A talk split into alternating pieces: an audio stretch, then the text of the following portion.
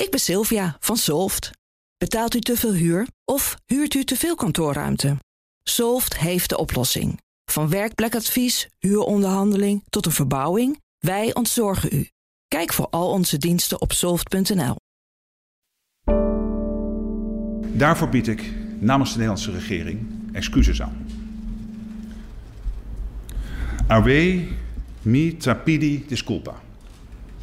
We delen niet alleen het verleden, maar ook de toekomst. Dus zetten we vandaag een komma, geen punt. Dit is onze premier Mark Rutte, die in december zijn excuses voor het slavernijverleden aanbood. Hij zal waarschijnlijk niet de laatste zijn die dit doet. De grote verwachting is dat de koning binnenkort ook zijn excuses zal aanbieden. De timing is niet toevallig. 1 juli is het namelijk precies 150 jaar geleden dat de slavernij werd afgeschaft. Terugblikken op die pijnlijke geschiedenis doen we pas veel korter. Het was onze vorige premier notabene, Jan-Peter Balkenende, die nog vol trots sprak over onze VOC-mentaliteit. Ik begrijp, ik begrijp niet waarom u hier zo negatief en vervelend over doet. We laten we blij zijn met elkaar. Voorzitter, ik zal het u optimistisch precies uitleggen. Laten we zeggen, Nederland kan het weer. Die VOC-mentaliteit. Over grenzen heen kijken. Dynamiek. Over de zwarte randen van de Gouden Eeuw hebben we het heel lang liever niet gehad. Maar inmiddels realiseren steeds meer mensen zich dat dit toch belangrijk is.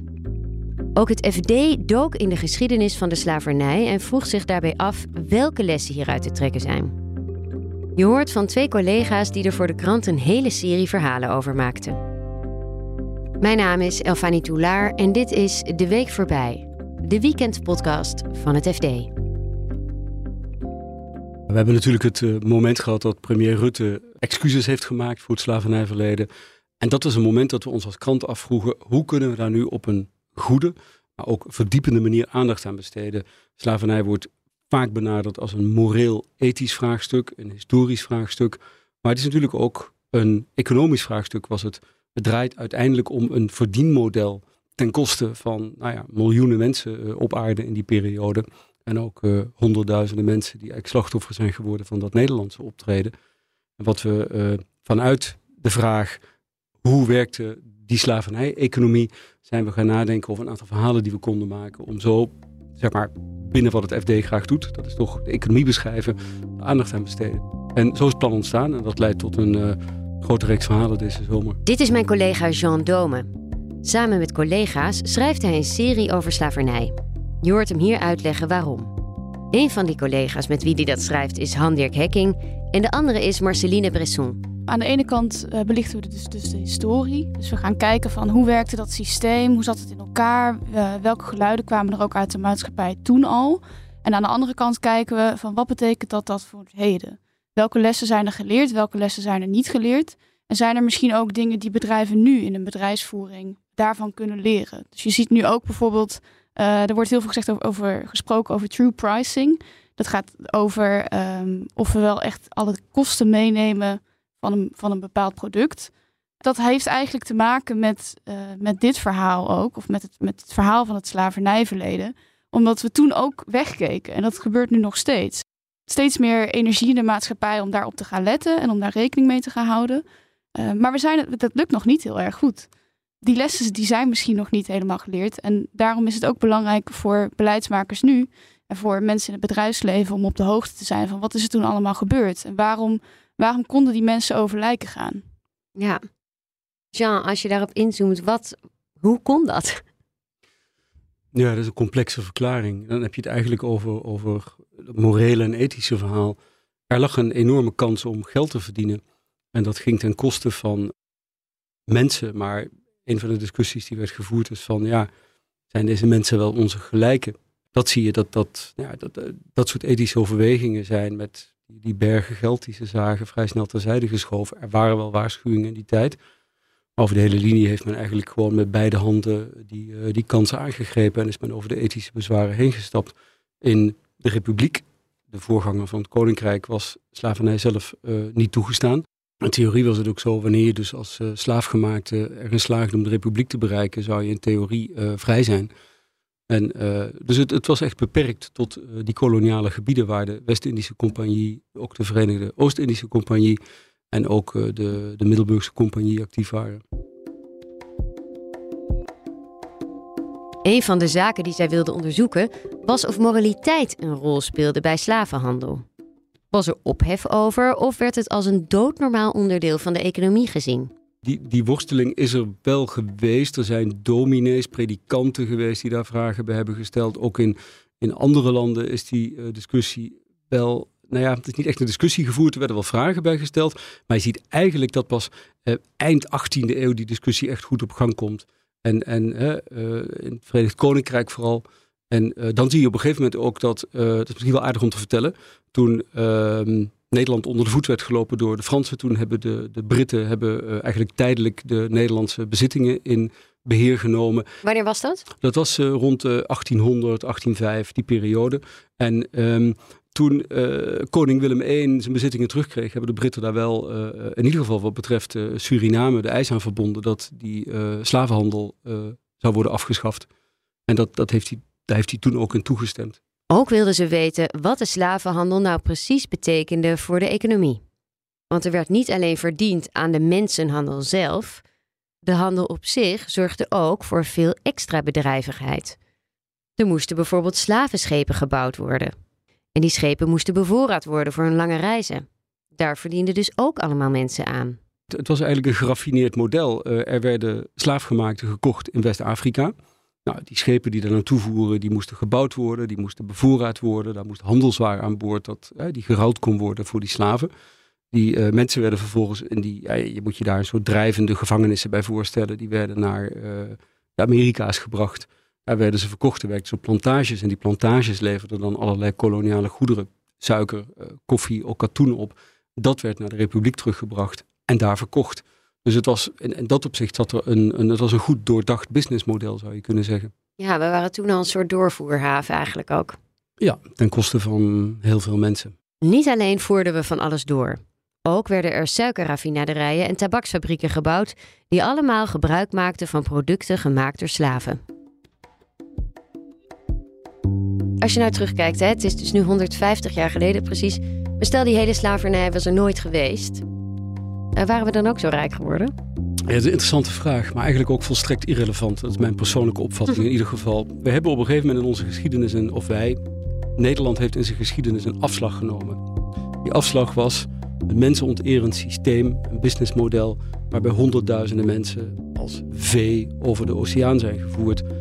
Dat heeft tot gevolgen geleid, dat heeft tot een, een bijdrage aan het BBP geleid. En wat mij toch opvalt, maar nogmaals, dat is mijn persoonlijke mening. Uh, op het moment dat mensen zeggen, ja, maar als die slavernij er niet was geweest, dan waren we even rijk geweest. Daar zit toch een, dat klinkt bijna als een relativering van, zie je dus, anders waren we ook wel geweest waar we nu zijn geweest. Nogmaals, die afslag hebben we niet genomen. Uh, de reden dat we die hele discussie voeren, is dat dat systeem is opgetuigd. En dat maakt eigenlijk al die wat-als vragen niet zo relevant. Nee. kun je over meer onderwerpen in de geschiedenis stellen. Maar het lijkt mij verstandiger. We hebben nog onze handen vol aan het kijken naar wat er echt gebeurd is. En niet wat er zou kunnen zijn gebeurd als we uh, moreel verantwoordelijke keuzes hadden gemaakt.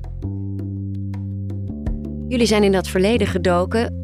Als je dan zo terugkijkt, welke lessen kunnen we dan trekken? En welke lessen hebben we dan misschien al getrokken uit dit, uh, uit de zwarte bladzijde van deze geschiedenis? Ja, dat is een van de dingen die we in het vervolg van deze serie in kaart gaan brengen. Want een belangrijk onderdeel, want waarom schrijf je deze verhalen? Dat is omdat ze ook relevant zijn voor het heden. Onvrije arbeid. En slavernij was een zeer extreme vorm daarvan. Is niet verdwenen, is er nog steeds. Er is een weliswaar beperkt aantal slaven op aarde als je naar de cijfers kijkt. Maar er zijn heel veel andere mensen die eigenlijk niet vrij zijn en niet vrij zijn in hun arbeid. Dat is, een, uh, dat is nog steeds een groot probleem. En ga maar na, maak het heel praktisch op het moment dat jij naar een, um, als je gaat winkelen, je koopt een t-shirt, dan, um, ja, ik, maar de meeste mensen zullen geen idee hebben onder welke omstandigheden dat precies gefabriceerd is. We gaan ervan uit dat dat wel in orde zal zijn, maar dat blijkt lang niet altijd zo te zijn. Bij chocola kun je die vraag ook stellen, nou bij heel veel meer producten. Het is heel actueel geworden en, en dat, uh, dat is een voorbeeld dat ook duidelijk maakt hoe ingewikkeld het eigenlijk is is toen er steeds meer berichten kwamen dat Oeigoeren door de Chinese overheid onder dwang aan het werk worden gezet. Nou, toen werd denk ik terecht de eis gesteld aan bedrijven van je moet in die keten in kaart zien te brengen of dat zo is en wat daar gebeurt. En dat blijkt dus heel erg moeilijk te zijn in, in, de, in de praktijk. Hoe komt dat? Omdat je niet alle informatie altijd kan krijgen. En misschien zijn er ook bedrijven die sommige dingen liever niet willen weten. Dat het ook wel uh, gemakkelijk is om dat niet te weten. Want dan je stelt je jezelf natuurlijk hele lastige vragen. Maar het is ook moeilijk om erachter te komen.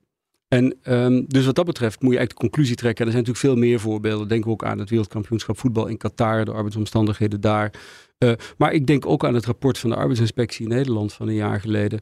Waarin bleek dat uh, met name de onderkant van de arbeidsmarkt. Hè, dus als we het hebben over Oost-Europeanen, Polen en Roemenen. Ik las erin dat er ook klokploegen actief zijn. Ja, die, die, die die mensen onder de duim moeten houden. Dus het, um, ja, de les van het verleden is eigenlijk dat we nog veel alerter in het heden zouden moeten zijn op arbeidsomstandigheden die niet deugen. Daar zit natuurlijk wel, er hangt letterlijk een prijskaartje aan. Op het moment dat we arbeidsomstandigheden verbeteren, zullen we ook bereid moeten zijn, veronderstel ik, om wat meer te betalen voor producten. Dat is een debat dat denk ik vooral gevoerd moet worden. Ja. Dat gaat dus om eigenlijk om maatschappelijk verantwoord ondernemen ook. En uh, Marcelina, als jij dan uh, nadenkt, zijn consumenten hier ook al aan toe? Nou, ze zouden er wel aan toe moeten zijn. Mhm. Ik denk als jij, uh, als jij de straat op gaat bijvoorbeeld. Dus je zag het bijvoorbeeld bij de... Uh, we zijn natuurlijk met Black Lives Matter zijn heel veel mensen actief geworden. En ook nu deze discussie steeds meer gevoerd wordt, wat heel goed is. Um, dan is de keerzijde daarvan ook wel van... Ja, misschien moet je ook over andere onderwerpen gaan nadenken. Het is wel mooi en ik sprak uh, een activist die zich dus heel erg bezighoudt met um, het, ja, het op agenda zetten van het slavernijverleden in Nederland... En ze zei eigenlijk van ja, ik, ik, ik hou me hier wel mee bezig. Maar als mijn zoon later aan mij vraagt. Mam, die telefoon die jij, uh, die, die jij had, die werd ook gemaakt door mensen in onvrije omstandigheden. Ja, dan heb ik daar eigenlijk geen antwoord op, zei ze. Dus het was wel mooi om te zien dat zij expliciet die link legde. En ik denk dat, ja, dat, dat consumenten nou, hier zeker wel mee aan de slag moeten. Uiteindelijk, dat is ook het hele idee achter zoiets als true price. Van als je de echte prijs in de winkel betaalt, dan kun je in de hele keten kun je mensen een eerlijker loon bieden. Dus we moeten ons wel gaan beseffen van hé, hey, uh, wat ik hier doe, uh, heeft toch impact aan de andere kant van de wereld. En dat is lastig. En dat, dat zie je dus ook. Dat vonden mensen in de 17e en de 18e eeuw ook al lastig. Als ze hier uh, suiker kochten of, of textiel uit bijvoorbeeld Azië of zo. Die konden zich ook niet altijd voorstellen waar dat dan vandaan kwam. Maar ja, hadden ze dat maar wel gedaan hadden ze maar wel uh, gezien waar dat, uh, hoe dat geproduceerd werd. En datzelfde geldt denk ik voor ons nu. Van ja, het zou er eigenlijk op moeten staan. Tony Chocolonely doet dat natuurlijk. En er zijn misschien wel meer merken die dat echt, die dat echt heel zichtbaar proberen te maken. En mensen vinden dat misschien wel eens vervelend. Die staat in de supermarkt, die denkt, oh, ik wil hier even niet aan denken. Maar ja, dat, dat moet je eigenlijk wel doen.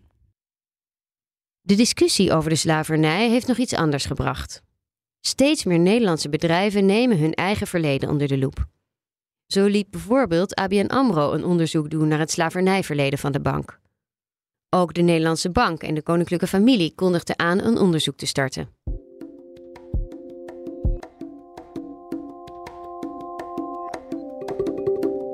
Hoe zit dat eigenlijk met het slavernijverleden van het FD? Hebben jullie daar ook nog onderzoek naar gedaan? Ja, daar zijn, ja. We, daar zijn we mee bezig. Uh, dus dat is nog een beetje work in progress. Maar we zijn uh, op zoek naar oude FD's uh, in, de, in, de, Koninklijke Bibliotheek. Uh, om te kijken van, um, stonden daar bijvoorbeeld advertenties in? En het FD was natuurlijk een soort effectenblad. Hè? Dus het FD dat bestaat nog niet zo lang. Je hebt bepaalde voorlopers daarvan. En dat ging dan over obligaties en over van, wat kun je hier kopen? Wat bied ik aan voor deze en deze prijs? Maar ja, vaak zijn dat ook wel koloniale goederen. Dus we hebben nog niet, ik kan er nog niks over zeggen over wat het FD daar precies in gedaan heeft. Of de voorlopers van het FD althans. Uh, maar we zijn daar wel mee bezig. Dus dat uh, volgt eind van de zomer. Ja, en is dat om uh, uit interesse voor de eigen geschiedenis, om ook, of ook om echt schoon schip te maken met het verleden? Ja. Ik zou bijna zeggen van, ik, ik zou dat onderscheid niet per se maken. Omdat je dus aan de ene kant, um, ja, je wil er, waarom wil je er iets over weten? Omdat je je toch ook gaat afvragen inderdaad van, nou, ja, wat hebben wij daar dan in gedaan. En um, het is wel, denk ik, gewoon uh, ja, schoon schip maken. Dat klinkt dan meteen zo heel heftig en zo. Maar ik vind wel eigenlijk dat, en je noemt ook meerdere instituties uh, vinden dat, geloof ik. Van we moeten hier wel iets mee. Omdat gewoon heel veel mensen Voor heel veel mensen is het een groot thema. Het is ook belangrijk. Het is onderdeel van de Nederlandse geschiedenis. Het is dus ook onderdeel van onze geschiedenis als krant. En um, ja, het, ik denk dat voor alle, alle gevallen geldt. Ken je geschiedenis. Gewoon omdat je dan ook beter uh, ja, kunt weten van wat moeten we nu doen. Misschien is, moeten we nu ook wel wat kritischer zijn bij het FD op dit soort thema's.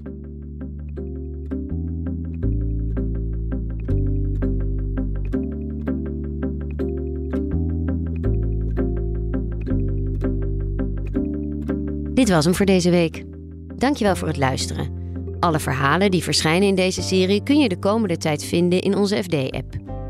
Volgende week zijn we er weer met een nieuwe aflevering. Ik ben te vinden op Twitter, Elfanie, en je kunt ook altijd een mail sturen naar podcast.fd.nl. We vinden het leuk om van mensen te horen. Redactie en montage waren in handen van Yildau Bijboer en de muziek is gemaakt door Visionair Ordinaire. Een heel fijn weekend en graag tot volgende week. Ik ben Sylvia van Solft. Betaalt u te veel huur of huurt u te veel kantoorruimte? Solft heeft de oplossing. Van werkplekadvies, huuronderhandeling tot een verbouwing, wij ontzorgen u. Kijk voor al onze diensten op soft.nl.